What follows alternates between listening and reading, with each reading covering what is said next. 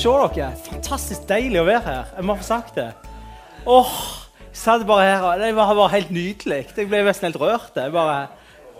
Ja, Det var helt fantastisk. Vet du hva? Jeg, det har gått opp for meg i det siste det er liksom at vi er faktisk brødre og søstre. Vet du hva? Det har jeg gått rundt og tenkt på så masse. At på tross av at vi går i forskjellige menigheter, bor i forskjellige kanter av landet, vi kommer fra forskjellige verdensdeler, vi kommer fra Afrika, Asia, fra Moi, ikke sant? Så, så er vi brødre og søstre gjennom Jesu Kristi blod. ikke sant? Det er vi blodsbrødre og søstre, faktisk. hvis vi kan si det. Er ikke det nydelig? Åh, oh, det er så deilig å komme hjem til Nærbø.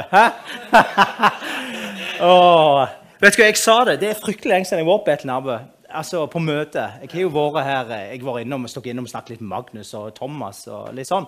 Men jeg tror det er 15 år siden jeg har vært her på et møte. Og Da var vi sånn felles tentro. Da var jeg ungdomspastor i familiekirka. Da hadde vi sånn felles tentroopplegg. Da hadde vi sånn tentrogudstjeneste. Da husker jeg jeg var her sist. Men det var godt å være her igjen. Og så tenker en hel gjeng med her. Hvem er han der fyren som står der oppe og, og smiler? Jeg heter David nok en gang. Jeg kommer fra Moi, hvis dere hører det. Eh, jeg er gift med Malin, og jeg har tre så små søte jenter på ni år, og på sju år og på fire år. Så jeg har et travelt, herlig velsigna liv, for å si det sånn.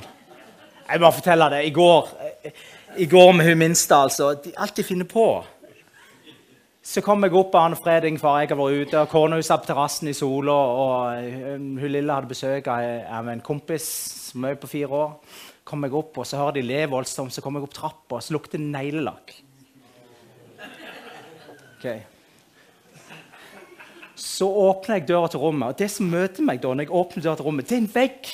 Altså, bare tenk deg en vegg av ting. Da er de to altså tatt, ut, tatt alle tingene på hele rommet hennes og bare stabla en haug inntil døra. Og så har de tatt neglelakk utover hele rommet, på senga, på gulvet. Malt med sminke på veggen, på klærne. Altså Det er da du må telle til ti ganske mange ganger. Men det er herlig å være småbarnsfar. Jeg elsker det. Og så er hun så søt. vet Du Du kan jo ikke bli sint. Ja, du blir jo litt sint. Jeg ble streng i går. Jeg ble det, Da ble jeg streng.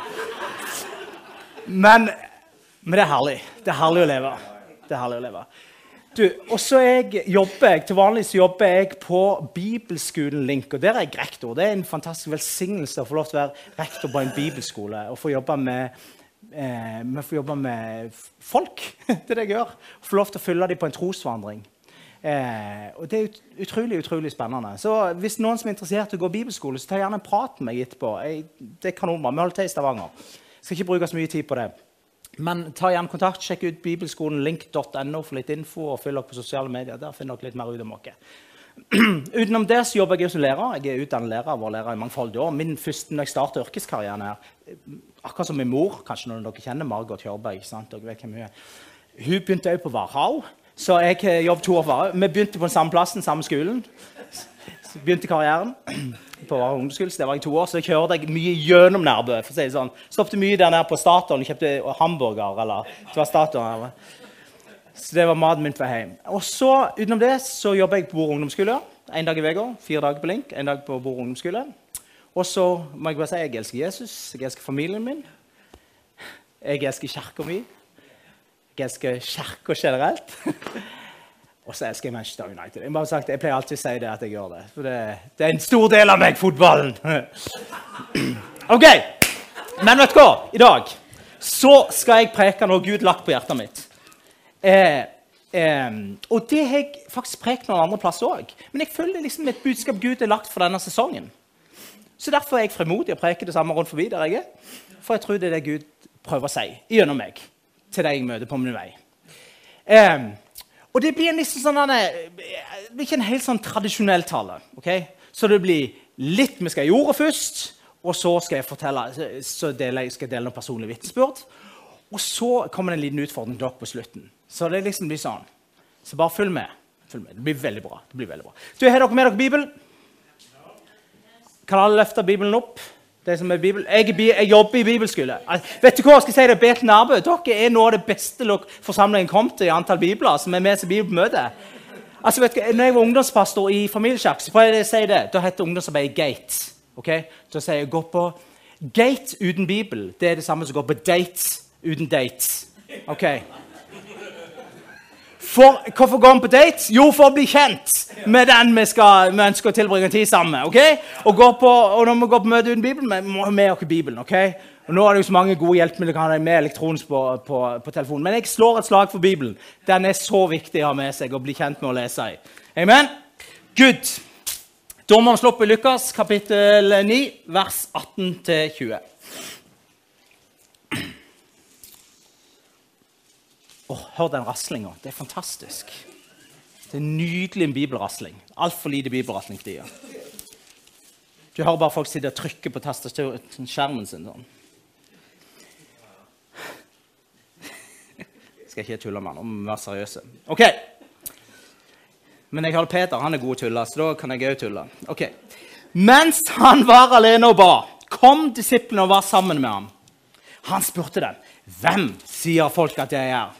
Da svarte de døperen Johannes. Men noen sier Elia, andre sier at en av de gamle profetene har stått opp. Han sa til dem, 'Men hvem sier dere at jeg er?'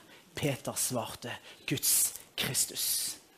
Jeg takker deg, gode Hellige Ånd, for at du er til stede her nå.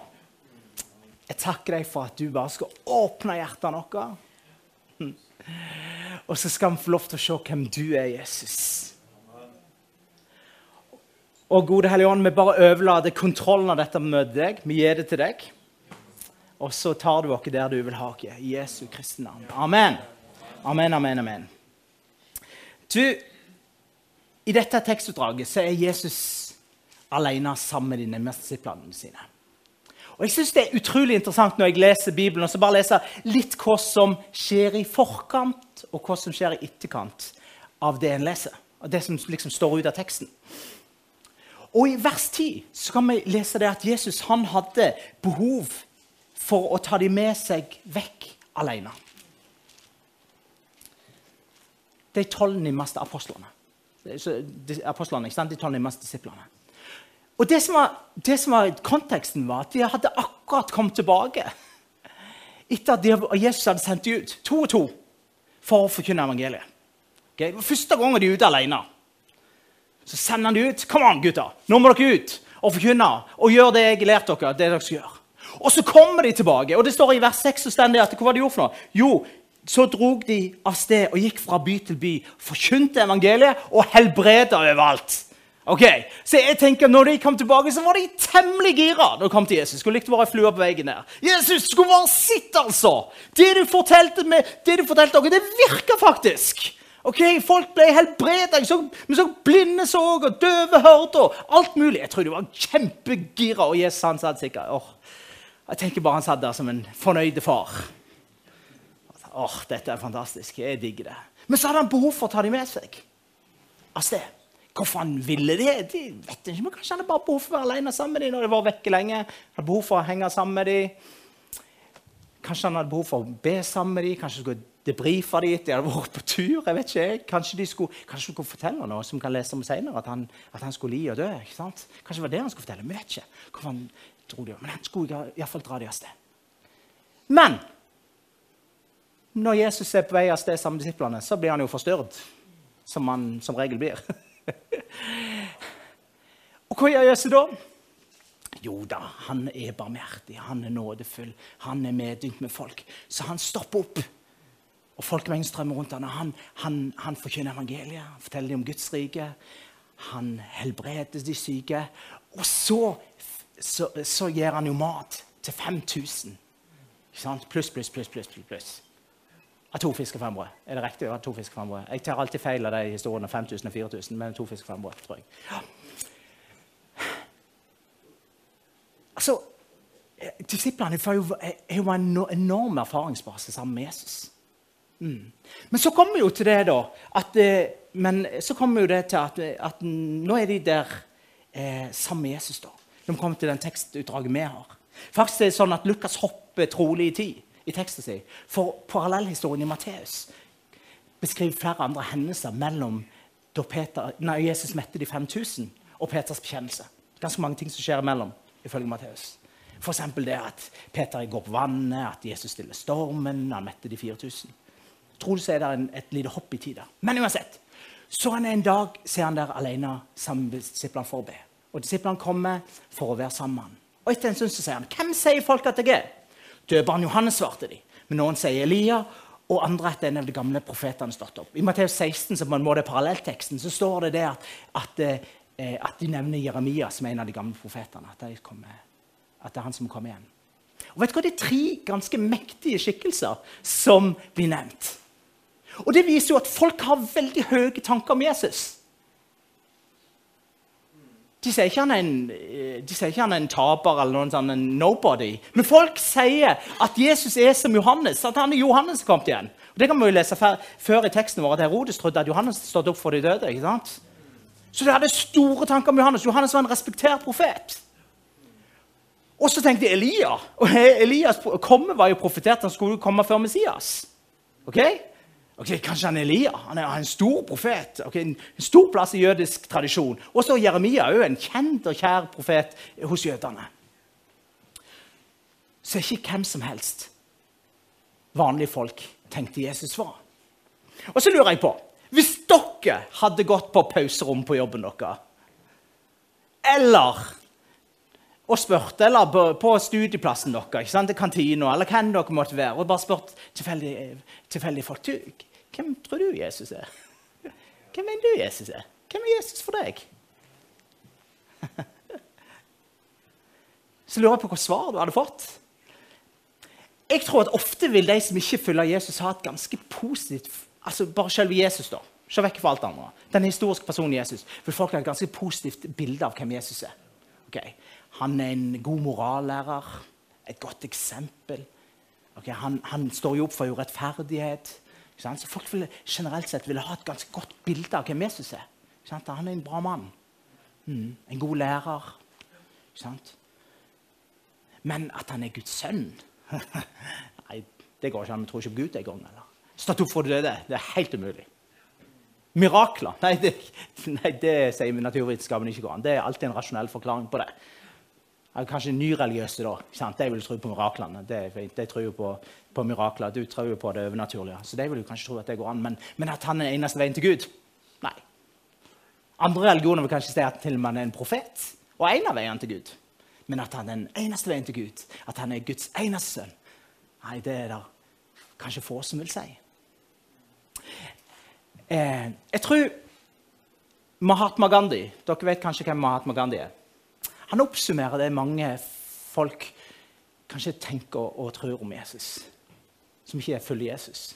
Og For de som ikke vet hvem Mahatma Gandhi er, så er han en indisk sånn eller menneskerettighetsforkjemper og, en, og, og, og, sto opp for urettferdigheten mot kolonisystemet og svart sine rettigheter i Sør-Afrika osv. Han er en veldig kjent og god mann. Ja, det er han. Eh, selv om han dessverre ikke kanskje, som vi, vet, i alle fall, tok imot Jesus og trodde på Jesus. Men han hadde mye bra. Han sier, De spør han, hvem er Jesus for deg. Så sier han, what does, what does Jesus mean to me? To me, he was one of the greatest teachers humanity has ever had. Altså, For meg så var han en av de største lærerne som mennesket noen gang har hatt. Moralsk læreren. Og så sier han en annen ting som er ganske sånn til ettertanke for oss. Så sier han I like your Christ. I do not like your Christians. Your Christians are so unlike your Christ. Jeg liker din Kristus. Jeg liker ikke dine kristne. Dine kristne er så ulike din Kristus. Kristus. Så boom. Det svir litt, alle. Okay. Men, men, sånn er det litt sånn når vi treffer folk, så møter de jo Jesus gjennom oss på godt og vondt. Okay? Og for han så var det litt på vondt. I og med at, jeg tenker på liksom kombinasjonen at han var i Sør-Afrika og kjempa, for, eh, kjempa mot menneskerettighetsbrudd. Og så var han i India, der de hadde britene sant, de hvite undertrykte.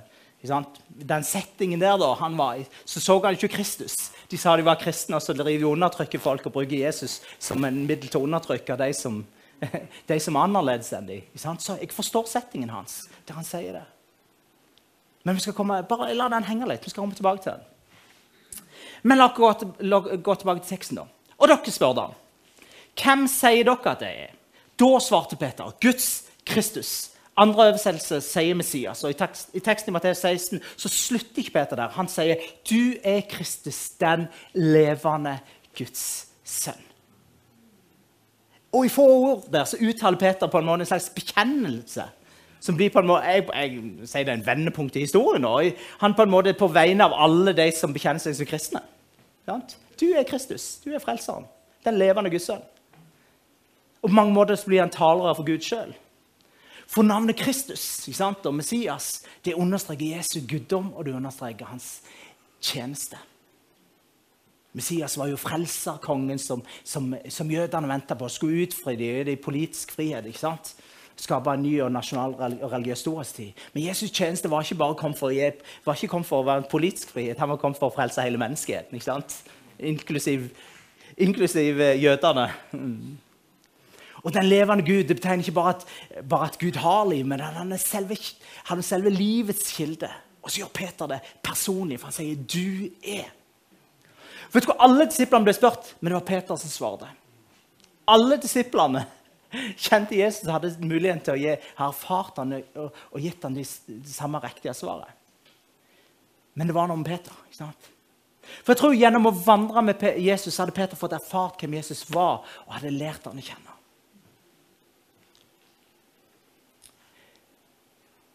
Og Hvis vi følger Peters erfaring fram til Esdag, det, til dag, det er ganske interessant. Hvis vi bare begynner å bla i Bibelen, Hva har skjedd fra Peter begynner å følge Jesus, til han kommer til den bekjennelsen? Ok, Skal jeg ta dere med en liten kavalkade? Er dere klare?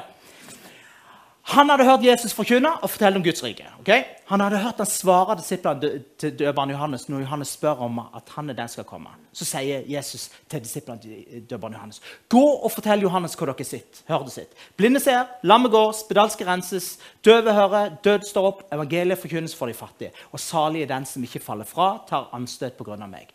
Og på en måte så siterer han det er det messianske oppdraget som du finner i Jeremias, nei, Jesajas kapittel 33 så sier han, så sier han ok, jeg er Messias. Jeg, er Messias. jeg, jeg fullfører det messianske oppdraget. sier Han Han har sett Jesus helbrede svigermora.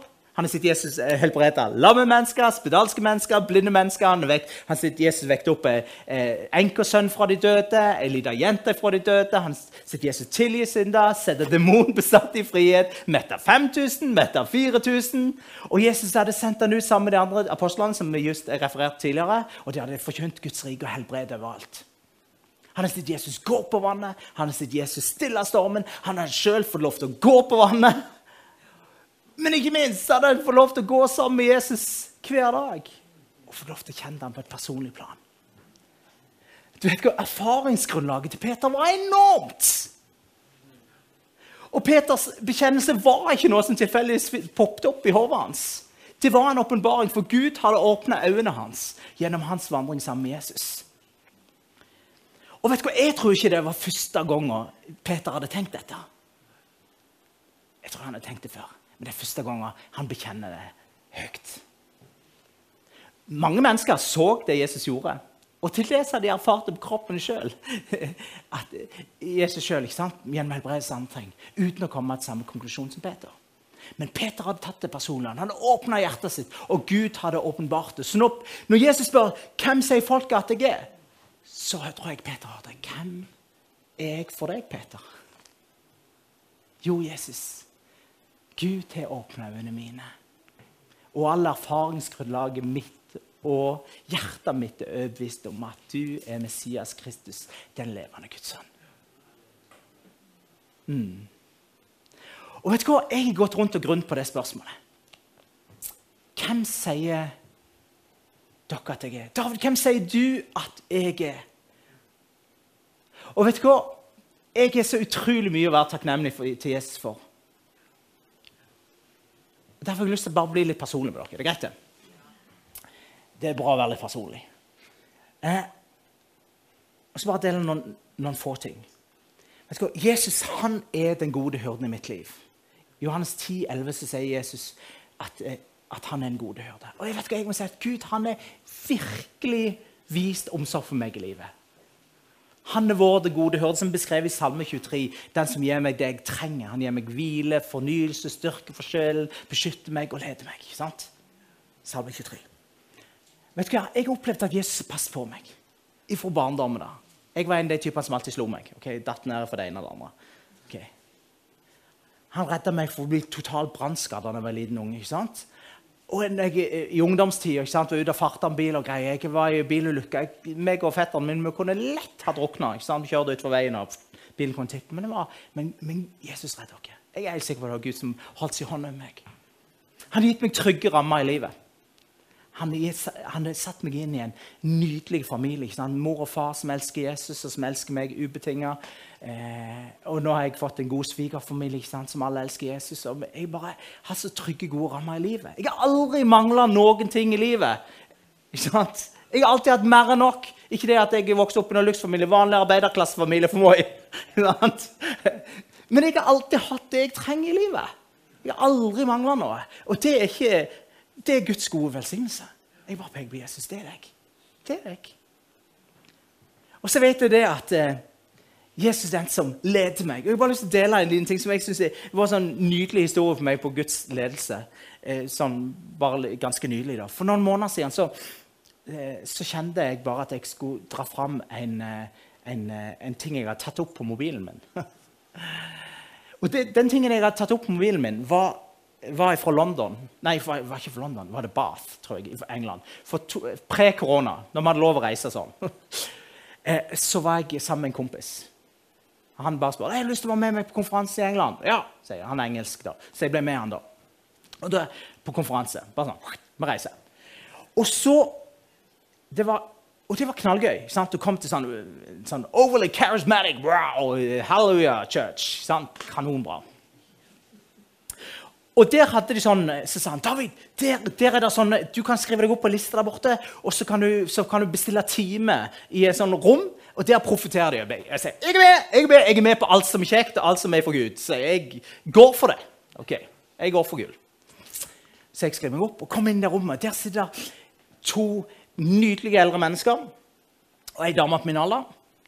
Og jeg hilser på dem. Hei, jeg heter David. That's it. Ser dere ned?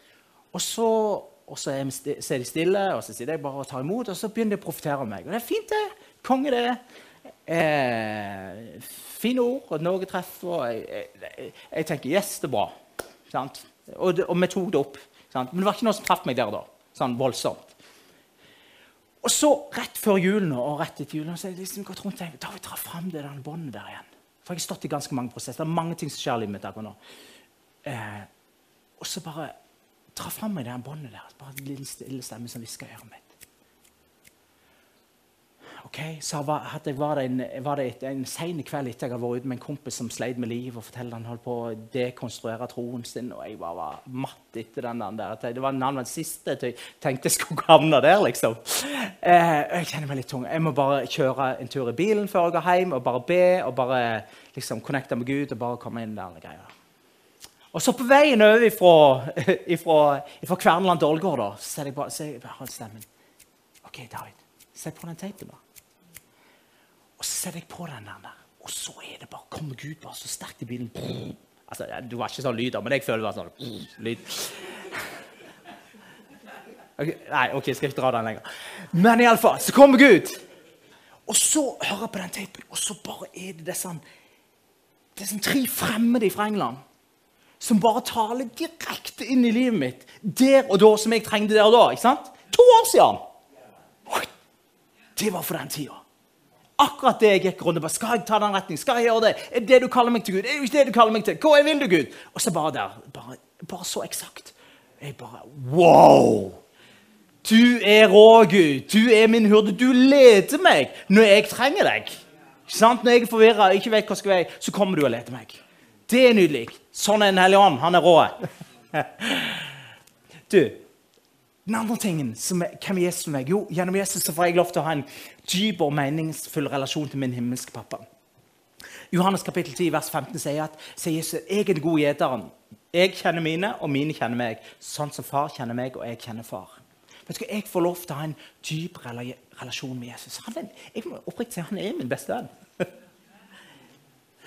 Og så det som er det nydelige med å ha Jesus som bestevenn, det er at pga. han så får jeg lov til å krype opp på fanget til min himmelske pappa hver eneste dag. Og bare sitte der på hans fang. og kjenne hans kjærlighet, hans omsorg, hans nåde hver eneste dag. Og ha det perspektivet å leve livet ut ifra. Mm. Og Derfor får jeg lov til å kjenne meg elska, jeg får lov til å kjenne meg ønska og jeg får lov til å kjenne meg verdifull. Selv om alt annet rundt meg ikke sier at jeg er det. Så kan jeg bare krype opp. ok, Gud, jeg må krabbe opp fanget ditt nå. Ok, Jeg er elska, jeg er ønska, jeg er verdifull. For å leve livet ut for det perspektivet. Og så Av og til så kjenner du Guds nærvær fysisk òg. Vet ikke om dere har erfart det. Men det er nydelig å kjenne Guds nærvær fysisk. Bare liksom Når freden kommer. Sant? Ofte kommer det som fred. Så bare senker seg over deg. Midt i sånn situasjon du ikke trodde du skulle ha fred, så kommer Gud og bare Den samme lyden igjen.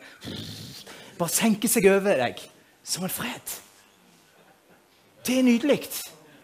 Du kan storme så mye du vil der ute, men når Guds nærvær kommer, så skjer det noe med oss. Og vet du hva? Det er en sånn sikker grunnvoll og det gir meg en trygg identitet. For jeg vet hvem jeg er, og jeg vet hvem jeg tror på. Det er nydelig. Det er Jesus for meg. Han er den som er min beste venn og leder meg til min himmelske far. Og så er Jesus min frihet. I Lukas 4 sier Jesus Herrens ånd over meg, for han har salvet meg til å forkynne et godt budskap for de fattige. Han har sendt meg for å rope ut at fanger skal få frihet, blinde skal få syn igjen, og få sette undertrykte fri og rope ut et nådens år for Herre. Vet du hva, Jeg har aldri opplevd helbredelse på min egen kropp. Jeg tror på helbredelse 190% Jeg er blitt for kjempemasse på mange ting, men jeg har aldri opplevd helbredelse på min egen kropp. Men jeg har opplevd helbredelse i min indre. Det er nydelig, det. For en, påske for flere år siden så satt jeg da bodde på Da hadde jeg lest noen bibeltekster rundt Jesu døde oppstandelse. Og Der Jesus viser seg for disiplene etter han er stått opp igjen. Og Kanskje noen, av dere husker Jesus sin siste samtale med Peter i Johannes kapittel 21. Der, der, Jesus spør Peter Siste offisielle eh, samtale med Peter. i alle fall. Han har sikkert mange andre samtaler, men akkurat det som er skrevet ned. I alle fall. Der han spør Peter elsker du meg. Han spør Peter tre ganger. Spør han, elsker du meg? Og, og, så forteller han Peter hva som skal skje med ham. Og etter å ha fortalt dette til Peter, så sier Jesus til Peter, 'Følg meg', er det siste han sier. Og så er det sånn at den personlige samtalen med Peter ble avbrutt når Peter plutselig oppdager at noen følger etter ham. Er det noen som husker hvem som følger etter ham? Johannes følger etter ham! Johannes han, han, er ganske kul, for han skriver ikke Johannes har skrevet 'Den som Jesus elsker'. ikke sant? konge. Tenk sin identitet der. Bare vite jeg elsker Jesus. Jeg bruker ikke mitt eget navn lenger. Jeg bare elsker Jesus. Det er min identitet. Det er navnet mitt. Det er helt rått. Det er en helt annen preken. Jeg har en preken på det òg. Den er knallbra. Men det får vi ta en gang. Men Men kanskje Johannes gikk bak Peter for å tjuvlytte på, på, på samtalen deres. Og vi skal være glad for, og hvis det var det, så skal vi være glad for det. For ellers har vi ikke visst hva som hadde blitt sagt i den samtalen. Eller kanskje han hadde bare lyst, litt lyst på litt alenetid sammen med Jesus. Men med mine ord her så, Peter, ser Peter Johannes så sier han til Jesus Nå har du fortalt meg hva jeg skal gjøre, og hva skal skje med meg. Men hva med han? Ok, hva med han, var spørsmålet. Min utfordring i livet, min, min, mine, det som var utfordrende for meg, og som jeg strevde med indre, det var at jeg hadde utrolig sånn, for, jeg sammenlignet med alt det andre. Og pga. det så hadde jeg dårlig selvtillit. Og det er sånn, En av mine dypeste hemmeligheter fortalte det til ingen. Ingen visste om det. Og jeg var den som var liksom En mann må være sjølsikker. Så ungdomspastor var jeg alltid. ja, OK, gutter, det er dameserie, det er selvsikre menn. så dere, det er det viktigste. Selvsikkerhet, selvsikkerhet, selvsikkerhet. Det er det jenter ser etter. Veldig, preaching for myself. Ikke sant? to myself. Men det jeg ikke var, det var det jeg var langt ifra å være selvsikker sjøl. Selv. For jeg drev og sammenligna meg med alt, alt alle. Han er sånn, og du er sånn. Og, og det var utrolig strevsomt å gå og bære på. Men da er det da jeg bare, det slo meg når jeg satt i stolen der. For nå kom Jesus med den siste direkte personlige instruksjonen til Peter. Og igjen med mine ord, egne ord. Han sier, 'Hva skal skje med han?' Sier, han ok, Peter var opptatt av å komme med han. ikke sant? Sammenligne seg. Det spiller ingen rolle mine egne ord nå. Det spiller ingen rolle hva som skal skje med andre. Eller hva de holder på med nå. Hva de skal gjøre eller ikke. Følg du meg. Boom! Vet du, hva, De ordene Bokstavelig talt var det litt sånn boom akkurat der og da. Det bare slo meg. Det ordene, akkurat der. Følg du meg. Og jeg bare, wow! Er det så enkelt? Hvorfor har jeg gått i noen, mange og 30 år og trodd at, at jeg skulle gjøre mange andre ting? Men det var så enkelt som det. Følg du meg. Du trenger ikke sammenligne med andre, hva de gjør eller ikke gjør. Men du skal følge meg. Jeg ble satt fullstendig fri der og da i stolen. Det er helt rått. Altså, den, befri, den følelsen Noen dere opplever kanskje blir fri for noe. ikke sant? Men den følelsen av å være fri, den er helt nydelig. Og i dag skal den tanken komme snikende. Men jeg avviser den. Nei, jeg, jeg, jeg kalte å følge Jesus. Samme hva Peder gjør. Hva han får til. Konge det er. Men følg du meg. Jeg er opptatt av å følge etter Jesus. Det er det jeg er kalt til å gjøre. Vet du hva? Jeg kunne fortsatt her med mange sånne personlige vitser. Og mitt liv det er langt fra heft, så heftig som Peter. Men som Peter så har jeg erfart at Jesus er den han sier han er. Så jeg kan som Peter høyt og tydelig bekjenne. vet du hva? Jesus, hvem er, hvem er Jesus for meg? Jo, Jesus, du er Kristus, den levende Guds sønn. Mm. Du, jeg tror det at Når Jesus åpenbarer hvem han er i vårt liv, så skjer det noe med oss. Og hvis vi med hjelp av Den hellige ånd lar erfaringene forme oss sammen med Guds ord Ok? Det er viktig. Det er viktig poeng. Vi kan ikke bare leve på erfaringene våre, men vi har erfaringene våre sammen med Guds ord. Og så legger jeg til en ting til. Og fellesskap av kristne brødre og søstre. Da blir vi mer lik han. Og da blir vi i stand til å elske Jesus mer, elske oss sjøl mer andre, og andre mennesker på et helt annet nivå. Og så kan vi ta oss nyfunnet på en måte åpenbaring til en verden som sårt trenger kristen som ligner på Kristus. Ok? For det er jo det som skjer bak oss. Når vi, vi liker Jesus, vi, da blir vi lik ham. ikke sant? Og Da kan vi si som Paulus Galatan 22, at jeg, jeg lever ikke lenger sjøl, men Kristus lever meg. Det livet jeg nå lever i kjødet, det lever jeg i troen på Han som elsker meg og ga seg sjøl for meg. Og jeg tror at vi da gir de ikke-kristne rundt dere en mulighet til å si og vri på ordene til Mahatma Gandhi da, ikke sant? og si det. Jeg liker din Kristus. Jeg liker dere kristne. For dere kristne ligner på Kristus, deres Kristus. Du kan sette på litt musikk her, da. Vet du hva? Jeg, jeg har lyst til å komme med en liten sånn eh, utfordring her på slutten. Eh, og involvere dere litt. Og jeg velger å gå litt på vannet. Okay? Litt sånn uortodoks, kanskje, i et møte sånn Nei, dere er jo gamle, gammel pinsemenn. Dere er jo vant med vitnemøter. ikke sant? Det er jo konge. Jeg elsker det. Men jeg har bare lyst til at vi skal ta, ta litt av tid nå. Så skal vi bare la Den hellige ånd bare få lov til å kna litt på hjertet deres. Og bare la atmosfæren være her av Den hellige ånd. ikke sant? Og så når jeg sier at OK, nå er det åpent, klart, så kan, kan dere få lov til å en og en få lov til å reise dere. Der dere er i benkeradene. Og så kan dere få lov til å bekjenne hvem Jesus er for dere.